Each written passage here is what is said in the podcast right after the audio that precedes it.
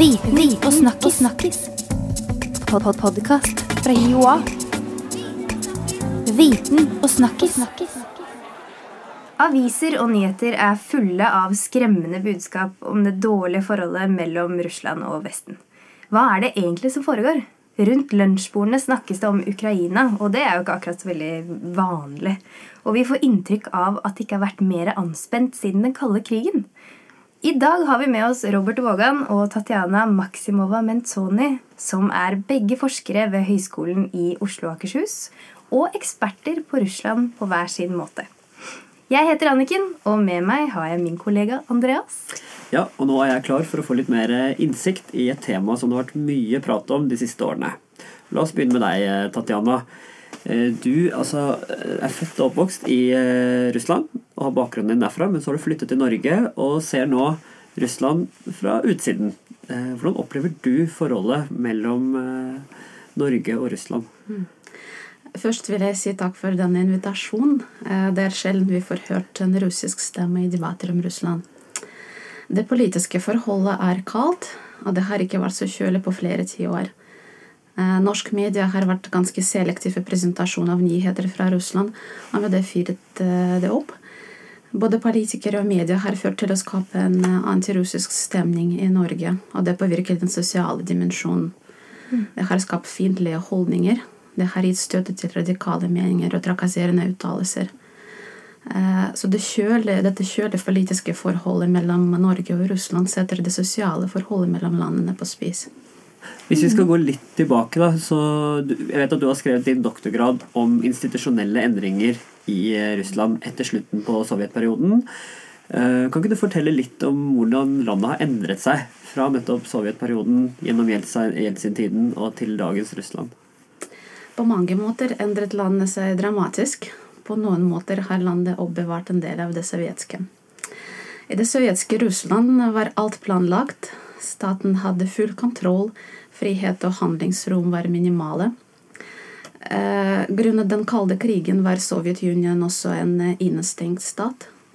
Så kom perestrojka med Gorbatsjov og en relativt fredelig revolusjon i 1992, da Jeltsin ble president. Fra den dagen snakker vi om det nye Russland. Og de første årene av det nye Russland var det kaos, både politisk, økonomisk, ideologisk og sosial. Etter dekader med full kontroll trakk staten seg plutselig tilbake fra styringen av de offentlige institusjonene.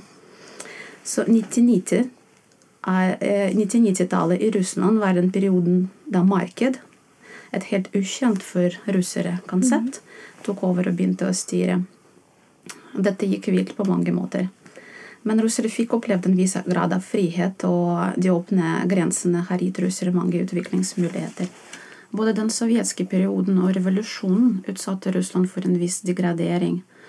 En svak og ruinert stat fikk Putin til å styre da han kom til makt året 2000.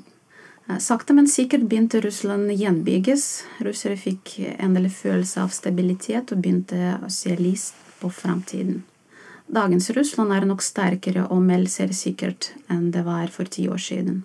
Det har Russland Putin til å take. Og så kom det Ukraina- Ukraina-tragedien. Det politiske boikottet av Russland i de vestlige landene. Innstramning av statlig kontroll. Mye av opparbeidet potensial og opparbeidende muligheter frises nå. Men eh, du, Robert, du er jo ekspert på russiske medier. Hvordan har eh, mediene endret seg i denne samme perioden? Eh, Du tenker fra 91, fra Sovjetunionens mm. Da Sovjetunionen ble oppløst. Vel, altså slik Tatjana var inne på, så 90-tallet forbindes jo med kaotiske tilstander. Eh, Det var jo 400 partier som stilte til valg, bl.a. Øl, Øldrikkernes parti. Eh, Rubelen kollapset i 1998. Eh, På 90-tallet var jeg ofte i Russland, og der kunne man se at koner som satt som museumsvakter, tjente kanskje noen hundre rubler i måneden, men, i måneden, mens en sånn Big Mac kostet eh, 15 000 rubler borti gaten. Så, så det var, var russere, og folk fikk ikke pensjonene sine, lønningene sine, og mange russere hadde det vondt eh, på den tiden. Så da, da, da Jeltsin utnevnte eh, Putin til sin etterfølger, eh, og Putin kom til makten, så, så er det jo skjedd en, en sentralisering. Eh, guvernørene er jo nå lagt inn under de føderale myndighetene osv. Og, så og en del av dette er at det er blitt økt statlig kontroll over mediene. Ja. Nettopp. Men er egentlig russiske medier frie?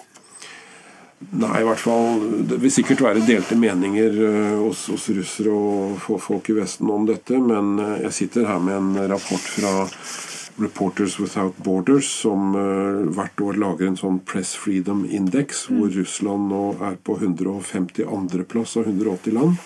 Ja. Og uh, det de påpeker, uh, det er jo da statlig kontroll, sensur, journalisters dårlige arbeidsvilkår den russiske journalistforeningen hadde jo eh, lenge en database på sine hjemmesider både på russisk og engelsk over de 315 journalister som er blitt drept i Russland mm. eh, siden Sovjetunionen eh, eh, sluttet å eksistere. Og mange av, disse, mange av disse drapene er ikke blitt etterforsket, og få har blitt trukket for retten osv. Mm.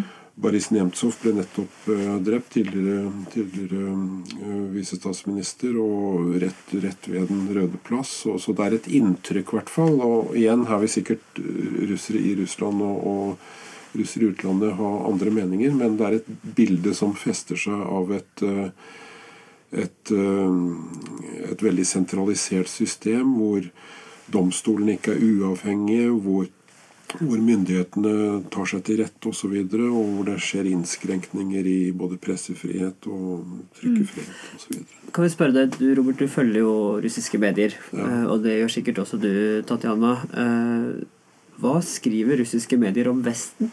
For det vet ikke vi, for vi leser ikke russisk.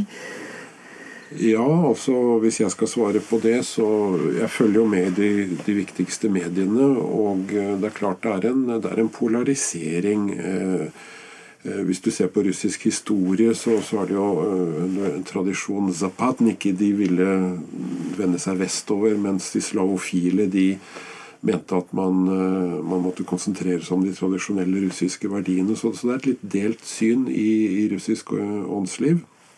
Men det, det, man ser nå, er jo at uh, Vesten er ute etter å ta dem. De blir omringet av uh, Nato-land. Senest nå annonserte Putin at de skal utplassere 40 interkontinentale missiler, styrke det russiske for forsvaret osv. Fordi Nato har annonsert at de skal forhåndslagre våpen og utstyr, tanks og styrker, i Nato-land som, som, omringer uh, Russland, altså Polen, Baltikum særlig. Så, så, det er en forestilling hos russere, og det har Putin sagt i flere av talene sine, at, at uansett hva Russland gjør, så, så, er det en sånn konspirasjon der ute. De er ute etter å ta, ute etter å ta Russland. Fremstille Russland i et negativt lys. Uansett hva, hva Russland gjør. Så, så, det er en litt sånn forurettet uh, holdning, og, og, det gjenspeiles i mediedekningen. Mm. Leser du russiske aviser? Eh, ikke så mye. Jeg ser nå på nyheter på TV. Eh, men eh, jeg kan jo bekrefte det Robert sier. Eh, samtidig som eh, jeg ser at eh, russiske medier også prøver å skaffe litt mer balansert bilde av, av Vesten, selv om selvfølgelig det er veldig mye snakk om angrep fra USA sin side osv. Men hvis noen vestlige land, som f.eks. Italia, støtter eh, en slags matkongress, der Russland eh, deltar med en fin paviljon og fine retter Så det, sånn, det, kulturelle som tas opp i andre vestlige land, det vises også på, på nyheter. Og det bidrar til å skape litt mer eh, positiv og fredelig stemning. Mm. Russland er jo et av Norges naboland. Kjenner nordmenn rett og slett for dårlig til nabolandet sitt? Ja, altså jeg eh, lærte meg russisk i voksen alder på 70-tallet og jobbet som reiseleder i Sovjetunionen, og, jeg elsker jo Russland. Mm. Jeg elsker jo russisk litteratur, kunst osv. Og, så og uh, sitte fem timer ved uh, Bolsjoj-teatret. Det går sånn, altså. Mm. Så jeg ble tiltrukket av Russland av kunst, litteratur osv. Og tok bryderiet med å lære meg russisk, eh, og eh, det angrer jeg ikke på. For det er, det er en stor sivilisasjon, det er en stor kultur. Eh, ofte litt misforstått fra vestlig side. Og Norge og Russland er jo naboer. Vi har en felles grense på 196 km. Og det utkom en bok i 2005, eh, 'Granner eller naboer gjennom 1000 år'. Eh, og det er jo det vi har vært. Vi har vært naboer og, er naboer. Og Barentssamarbeidet i nordområdene det har fungert jo godt. Vi ble enige om delelinje i 2010. Det var jo en konflikt som hadde pågått i 40 år.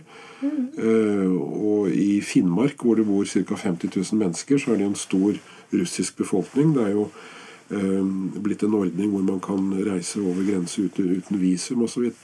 Jeg har vært i Murmansk og så, så det er veldig synd at uh, det er blitt en slik konflikt. Man skal videre. Det er liksom overskriften og de litt overfladiske nyhetene som, som, uh, som vinner frem. Om eh, nordmenn kjenner for dårlig til nabolandet sitt. Jeg vil svare ja på dette spørsmålet. Selv om jeg kjenner nordmenn som er glad i Russland, og som har jobbet hardt for å bygge broer mellom eh, landene våre. Man frykter det som er ukjent, eller det man har begrenset kunnskap om. En god del av kunnskap om Russland og holdninger til Russland eh, nordmenn her baserer seg på kunnskaper om det sovjetiske Russland. Det er mye spennende som foregår i det nye Russland. Det foregår også mye dramatisk. På godt og vondt er, eh, er det mye som er annerledes i Russland. Men når man velger å plukke ut kun det dramatiske, blir bildet fort skjevt. Det hindrer den konstruktive dialogen mellom eh, politikere og enkelte mennesker. Det hindrer læring, det hindrer utvikling. Og For å kunne unngå en ny sesong med kald krig er Norge og flere europeiske land nødt til å skaffe seg et mer balansert kunnskap om Russland. Ja, for du, eh, Tatjana, du har jo deltatt litt i den norske debatten. Bl.a. Blant annet med en kronikk i Aftenposten i mai. Eh, Hva slags sånn tilbakemeldinger har du fått på den kronikken? Overraskende nok hovedsakelig positive. Jeg fikk en god del støtte. Jeg forventet ingen eh, tilbakemeldinger, bortsett fra uh, mer snakk om Putin og eh, hvor uh, demonistisk han er. Men jeg fikk telefoner. Jeg fikk til og med påskekort. Så veldig hyggelig at folk etterspør den type, den type debatt, den, den type meninger. Og jeg vil gjerne lese eh, et sitat fra dette kortet. Ja. Kald krig-retorikken fra vest er ille nå. Det, det tror jeg er nesten ubegripelig at eh, sikkert høyutdannede kommentatorer og politikere setter alt på spisset i de siste årene. Jeg ønsker det like til videre til å skape større forståelse for at Russland er et annet sted. Og det dere har begge vært inne på, da, at det handler om, handler om mye altså Det handler om historie, og det handler om mer enn bare Putin. Men ofte så er det bare Putin det handler om, i mediene særlig. Hva tenker dere om det? mediene, og nå snakker jeg som lærer i med medievitenskap og osv., de, de spissformulerer jo ofte ting. Eh, Særlig tabloidpressen og sånn de dype innsiktsartiklene, analysene, glimrer ofte med sitt fravær. og Man skal ofte sette eh, skape konflikter eller overdrive konflikter og sånn, så mediene gir ofte et, eh, et litt sånt eh, skjevt bilde av, eh, av virkeligheten. Eh, Dessverre. En av de viktigste teoriene innen medievitenskap er jo framing, altså at man vrir, vrir på ting. Eh, Fordi det er korte presentasjoner, det er overskrifter, ingress osv. Man henter ut visse ting, utelukker andre, så, så man eh, så man må, må på en måte lese med lupe og sette seg inn i ting og gå i dybden. Og det blir det ofte ikke tid til i dagens veldig hektiske mediebilde. Og dette er svært uheldig. Eh, fordi når det snakkes om Putin, så snakkes det veldig ofte om Russland. Og når Putin blir demonisert, så blir Russland demonisert. Og Russland er ikke et abstrakt objekt. Eh, Det er et land med nærmere 140 millioner mennesker. Mennesker som først og fremst ønsker fred, stabilitet, ålreit velferdsordninger og utviklingsmuligheter. Uh, Det er mennesker som til tross for mange utfordringer i hverdagen er glad i sitt land og vil helst bo der de bor, vil si i Russland. Uh, Og når media framstiller uh, Russland som et skremmende land å bo i, så påvirker det både russere, russere som bor i Norge, russere som bor i Russland, mm. eh, men også påvirker det forholdet mellom, mellom, mennesker i Norge og Russland. Hvordan er eh, Putins anseelse i Russland nå? Han eh, scorer veldig høyt på målingene. Levada-instituttet gjennomfører jo jevnlige målinger, så han ligger på 85% og Så han har veldig stor oppslutning i brede kretser i Russland. Det, det vestlige kommentatorer påpeker, er jo, gjelder dette også oligarkene og de bemidlede. og, og vil, vil, disse sanksjonene fra Vesten føre til at levestandarden i Russland synker? Da kan det være på en måte da, da, får man virkelig testet hans popularitet. Men etter alt å dømme så er han uh, veldig populær, og russere slutter opp om hans uh, tøffe linje. Mm. Det er kanskje også fordi at i Vesten så Putin og Russland framstilles som aggressor. Mens eh, Russland og russere eh, tenker at nei, vi er ikke aggressor, vi forsvarer jo vi. Mm. Eh, og så fordi Putin står så hardt i Ukraina som han gjør, støtter russere det fordi vi forsvarer eh, russere som bor i Ukraina. Det kan jo virke som om mange i Vesten både frykter og venter på at alt på en måte skal bli verre. Eh, hva tenker dere om framtiden? Sånn forholdet mellom Russland og Vesten? Ja, det er, det er, mange pessimister nå på, på, banen. Og disse sanksjonene begynner jo nå å virke innad i Russland. Man snakker om kapitalflukt. Man vet ikke helt hvordan den reduserte levestandarden vil slå ut på middelklassen osv. Mm. Eh, oligarkene begynner kanskje å bli urolig. Det er en betydelig kapitalflukt. Eh, Russland har annonsert, ifølge sjefen for norsk etterretningstjeneste og også forsvarssjefen, at de vil bruke veldig mye penger nå på militær opprustning, mer enn på velferd osv. Så, videre. mm. så Så det er mange som er pessimister.